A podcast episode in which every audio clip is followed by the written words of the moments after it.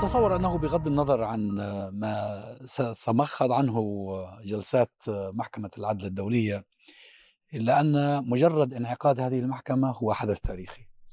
يعني هذه هي المرة الأولى فيما أظن صححوني إن كنت مخطئ آه، التي توضع فيها إسرائيل في قفص الاتهام على مسمع ومشهد من العالم كله. هذه محاكمة آه، علنية آه، بأدلة وقرائن قانونية.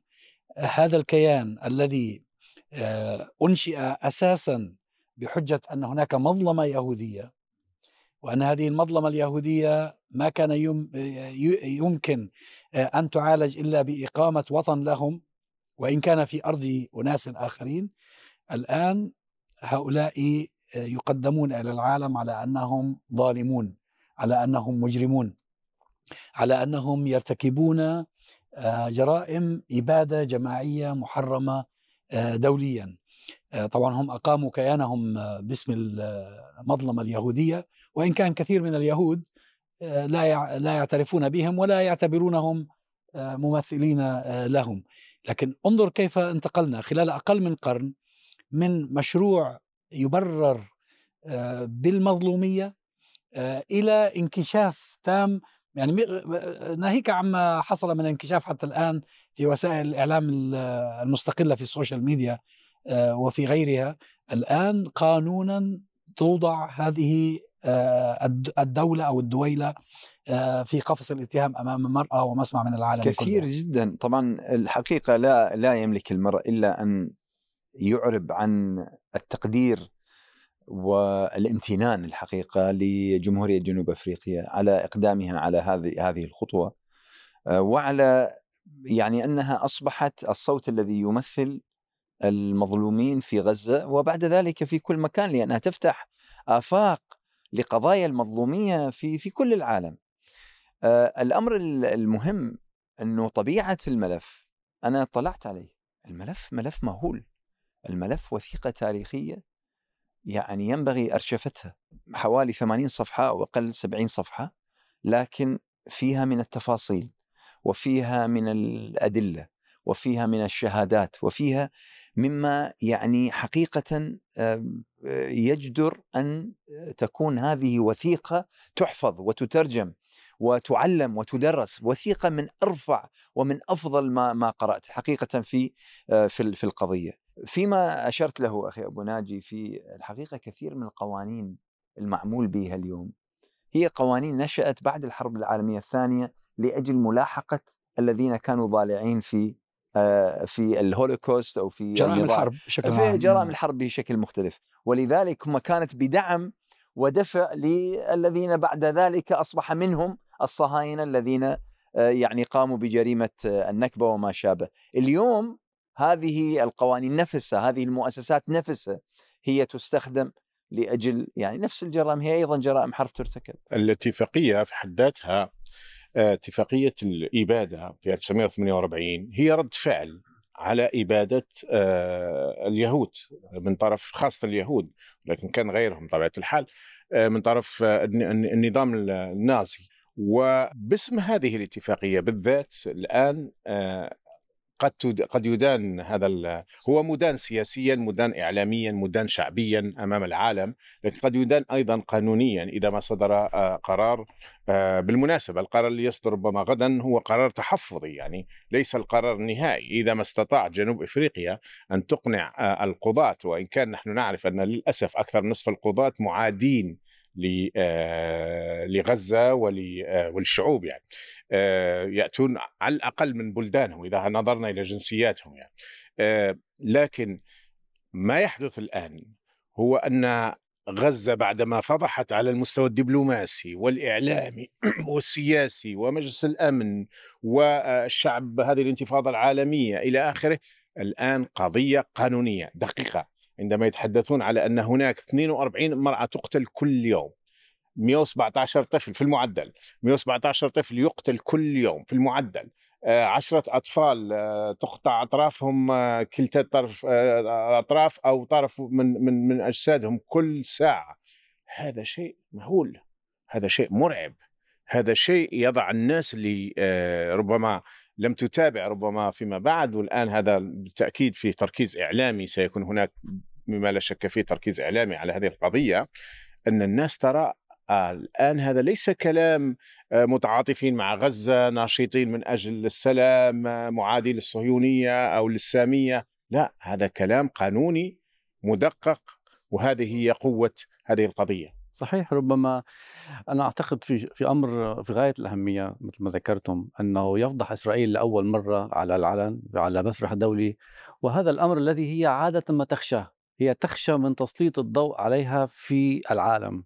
هي دائما تحاول يعني لا تمتثل إلى أي قرارات متحدة ولا تحاول يعني لكن أخشى في في نقطة ربما تنطوي لا أعرف إذا كانت تلعب إلى مصلحه إسرائيل على المدى الطويل وهي حينما يضيء تضيء هذه المحكمة على الجرائم التي ترتكبها إسرائيل جرائم الإبادة وغيرها على رغم فظاعتها ربما تنطوي أيضا على خطورة أن إسرائيل يعني تثبت أركانها في المنطقة. تثبيت الأركان أن الاعتراض ربما يكون على الممارسات وليس على تثبيت أركان إسرائيل كدولة. محتلة لهذه الأرض الفلسطينية التي نعرفها.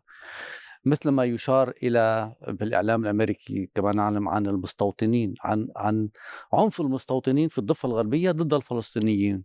ويتم تجاهل أن المستوطنين هم أصلا وجودهم غير شرعي وغير قانوني نظرا للقانون الدولي المستوطنات غير شرعية وغير قانونية. لكن ما يتم الحديث عنه ويتم يتم يعني يصبح عاديا الحديث عن العنف الذي يمارسه المستوطنون ضد الفلسطينيين. وكأن إذا رفعنا والضغط إذا رفع الضغط الأمريكي على إسرائيل قليلا لمنع العنف ضد الفلسطينيين ويصبح امرا عاديا. يعني الآن هذا ما أخشى أن يكون. أنا ما أظن إنه هذا يعني مخيف لأنه هو هاي القضية هي خاصة بما يجري في غزة خاصة بالحرب على غزة. والمؤمل إذا حكمت المحكمة حكما ايجابيا أن يكون الحكم بوقف هذه الحرب. هو هذا هذا المقصود. لكن هو ما أظن أن مرجعية المحكمة هو القانون الدولي والقانون الدولي يعترف بوجود إسرائيل رغم أنه بالنسبة لنا إسرائيل وجودها غير شرعي لأنها تحتل أرضنا وتحتل بيوتنا. لكن نتكلم عن القانون الدولي الذي مرجعيته هذه المحكمة. لكن هي المحكمة لا تبت الآن في ممارسات إسرائيل بشكل كامل.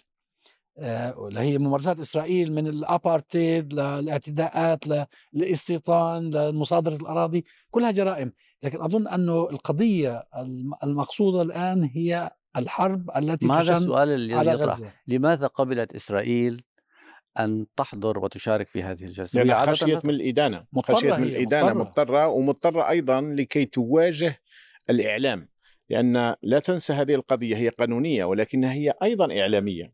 الآن طبعاً، اليوم مثلا طبعاً، كثير من. التلفزيونات والفضائيات والمواقع مركزة على ما يقال وتنقل على المباشر آه، الإدانات آه، من طرف المحامين تاع جنوب إفريقيا. فبالنسبة لإسرائيل على الأقل أنها تدحض من وجهة نظرها كما قال أحد ال- الكتاب قال بأنه أصلا نتيجة أو الحكم الذي ستنطق فيه المحكمة امرا ثانويا. العرض الذي سيقدم. على مدار اليوم انت أنت لاحظ ال- التصريح اللي أدلى به نتنياهو بالأمس باللغة الإنجليزية لأول مرة نتنياهو آه، يخالف الوزراء الذين منذ ثلاثة شهور وهم يتحدثون عن إبادة جماعية يعني هو خرج لأنه في غريب تصريح غريب جدا في حالة من. الخوف لأنه في حالة من الخوف طلع وقال لا إحنا لا ننوي آه، إعادة احتلال قطاع غزة آه، ونحن لا نقصد ته- تهجير الشعب الفلسطيني ويتحجج بأنه آه، نحن نريد فقط أن نقضي على حماس التي تتخذ من آه، الشعب آه، رهينة. دروع بشرية. دروعا بشرية. وعلى فكرة هو هذا خط الدفاع الذي تنوي إسرائيل أن تستخدمه في المحكمة. ولذلك اليوم المحامي الذي أحد المحامين الذين تحدثوا باسم جنوب أفريقيا آه قال بأن مبررات إسرائيل غير مقبولة.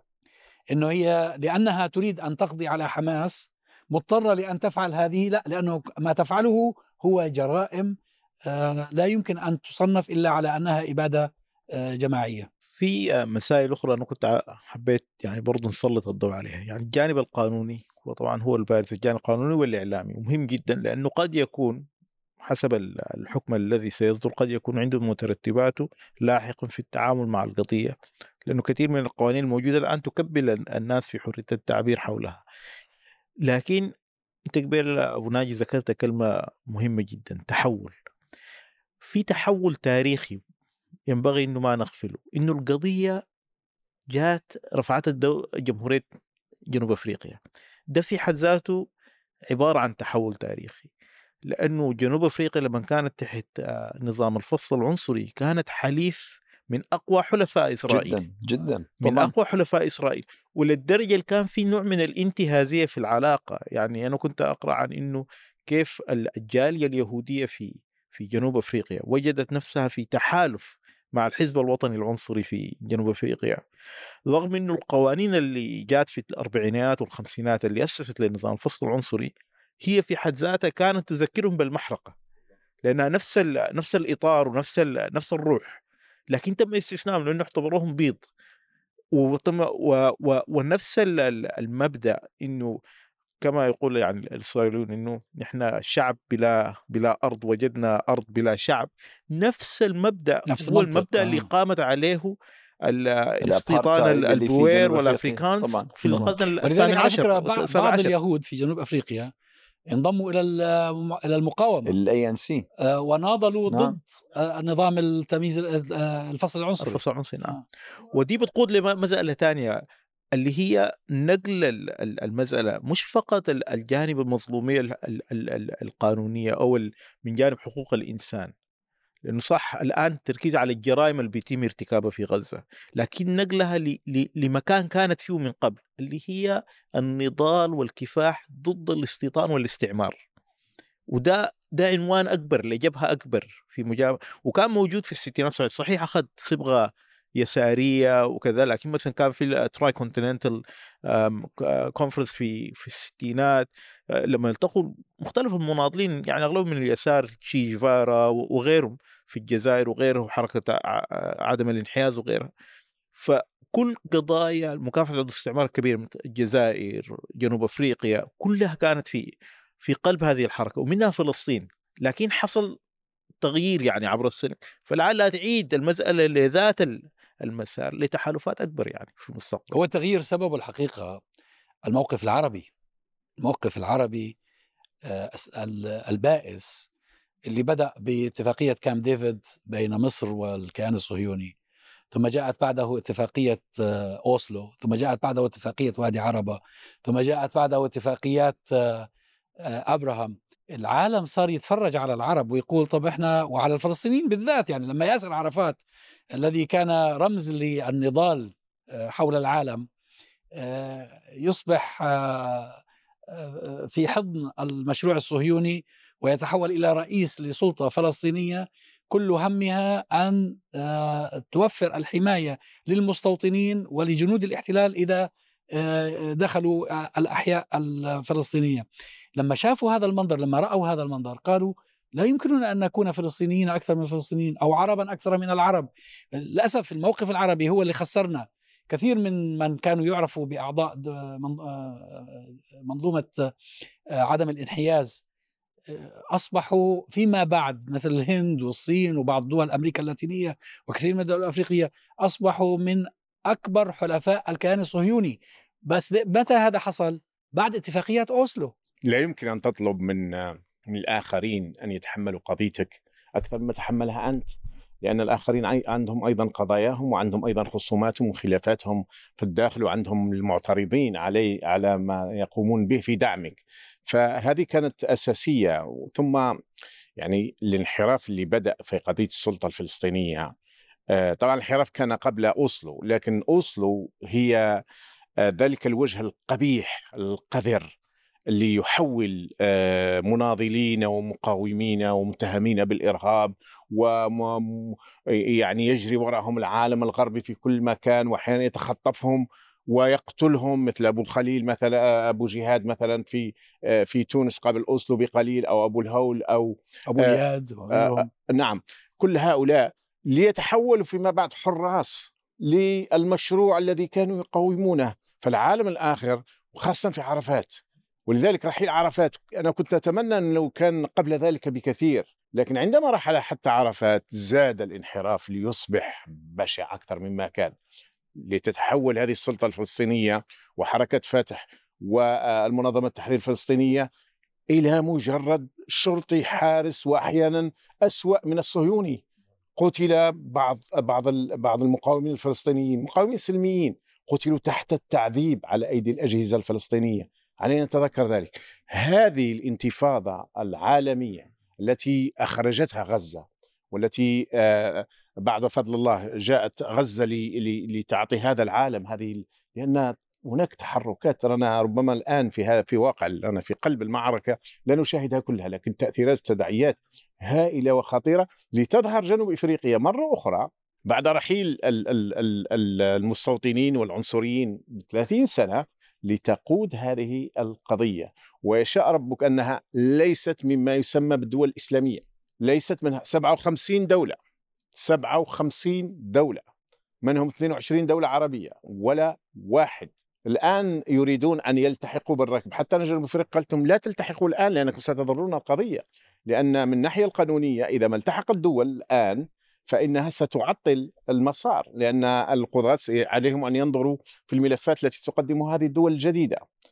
هذه قضية قضية آه، المحكمة الدولية. بالمناسبة هذه ليست أول مرة تدان قد تدان فيها إسرائيل. ودينت من قبل في قضية الجدار في آه، من محكمه العدل الدولية. لكنها لم تكن تحظى بالاهتمام العالمي ولم تكن تحت الأضواء ولم تكن تحت دماء أهل غزة كما هو الحال الآن؟ أي الإدانة بجريمة الإبادة الجماعية إدانة أكبر بكثير من الجدار. الجدار يعني صحيح قضية مهمة آه، لكن شوف الآن بس قبل ما أقول إيش اللي حيحصل هذا يؤكد بالنسبة للمخاوف اللي ذكرتها أستاذ جعفر آه، لم تكن المحكمة محكمة العدل الدولية ولا القانون الدولي هو الذي كرس الاحتلال الصهيوني في فلسطين. الذي كرس الاحتلال الصهيوني في فلسطين هو اعتراف بعض الفلسطينيين وبعض العرب وبعض العرب بشرعية هذا الكيان. يعني قبل كامب ديفيد السادات وقبل آه، أوسلو عرفات آه، كان شرعية إسرائيل مشكوك فيها مشكوك فيها من من قبل كثير من من الناس. أصبحت الآن الآن أنت إذا بتتكلم عن شرعية إسرائيل عندك كأنك ترتكب جريمة. ليه؟ من الذي غير هذا الوضع؟ هو الحقيقة الف الف بعض الفلسطينيين وبعض العرب.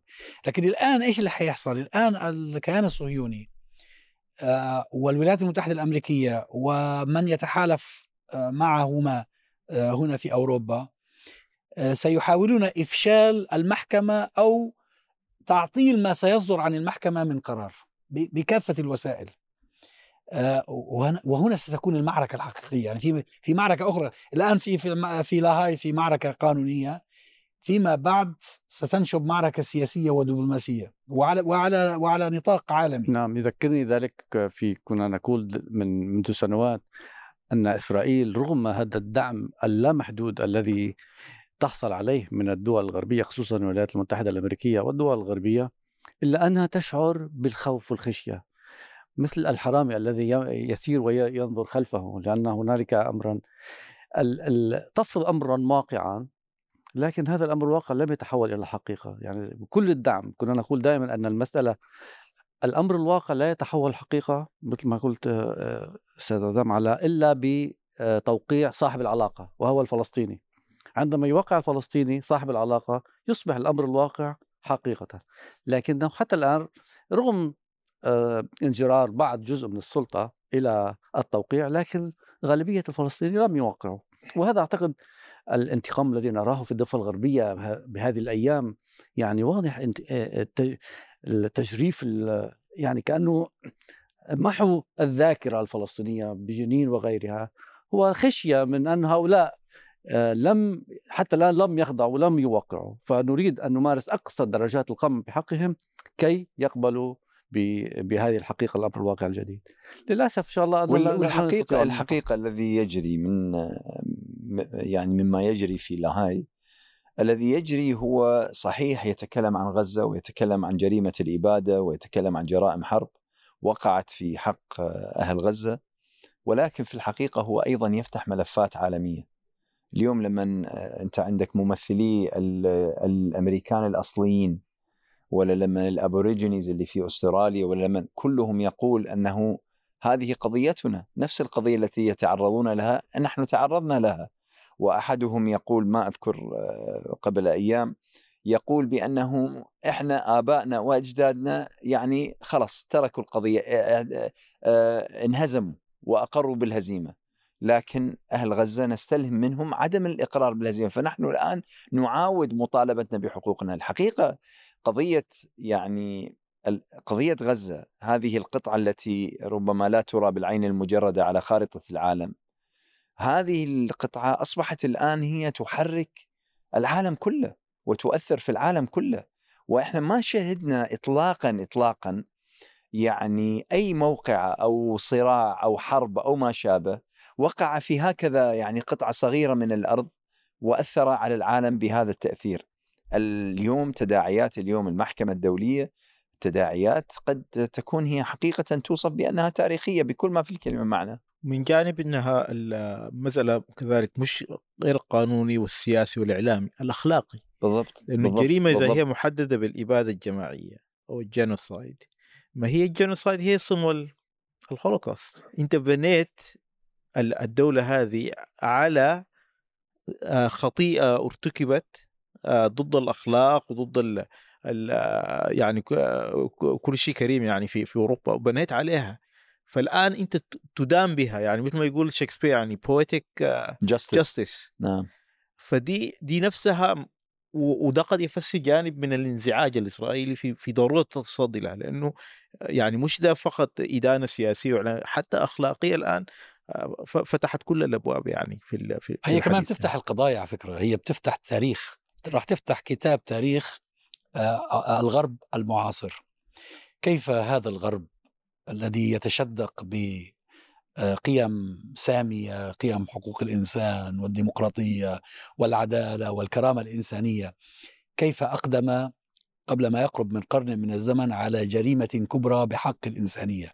الآن تفتح ملفات هذه الجريمة اللي هو أراد أن يتخلص من مشكلة لديه بأن يجمع ضحايا هذه المشكلة في بلاد قوم آخرين وهكذا حصل ترى ترى قبل ثلاث سنوات إيش اللي حصل؟ حصلت حادثة جورج فلويد أه. حادثة جورج فلويد فتحت أمام العالم قصة الاستعباد slavery والناس بدأت هنا في بريستول وفي ساوثهامبتون ينزلون تماثيل ملاك العبيد تجار والمتاجرين العبيد. تجار العبيد وفي أمريكا أيضا. بدأت تتكشف مسائل وبدأ الناس تقرأ ما كان في حد تاريخها. فاكر يعني يعدوا من جنب التمثال ولا حدا سأل. ولا احد يسأل ولا اسم ميدان معين ولا يطلع أنه لما يبحثون لا بانه بالعكس هؤلاء قد يفتخرون الناس أنهم يأخذوا صور معاه يعني إيه. لأنهم لا يعرفون حقيقته يعني. فاحيانا يعني أحيانا هي حوادث قد تمر وتعبر كح... ك...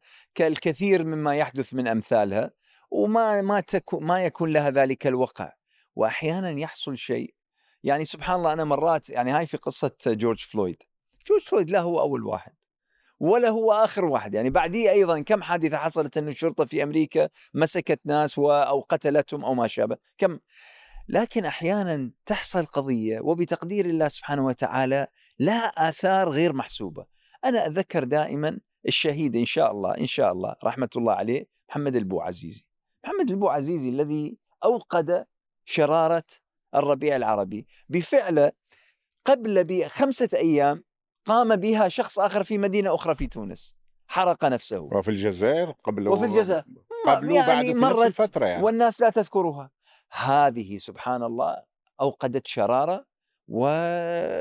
و... وأنا باعتقادي أنه أثرها لم ينتهي إلى اليوم ولن ينتهي.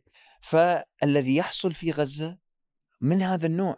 حدث ما هو بسيط صح قطعة الأرض صغيرة صح الناس منسية العالم غزة مع محاصرة 17 سنة سوى العالم. لكن فجأة هذا الذي ارتكب بحق أبنائها الآن أصبح حدثا عالميا من يعني من من تداعياته أنه قد يغير مجرى العالم ككل. يعني هو شوف العالم مقبل على تغير آه، لأن الظلم لا يدوم. وهو طبعا الكلام اللي تكرر من قبلنا جميعا أنه لله إرادة في هذا الأمر. مع يعني حتى الذي خطط لم يكن يتوقع أن تكون آه، هذه التداعيات وأن تكون هذه المآلات. آه، لكن هذا الظلم استفحل في العالم.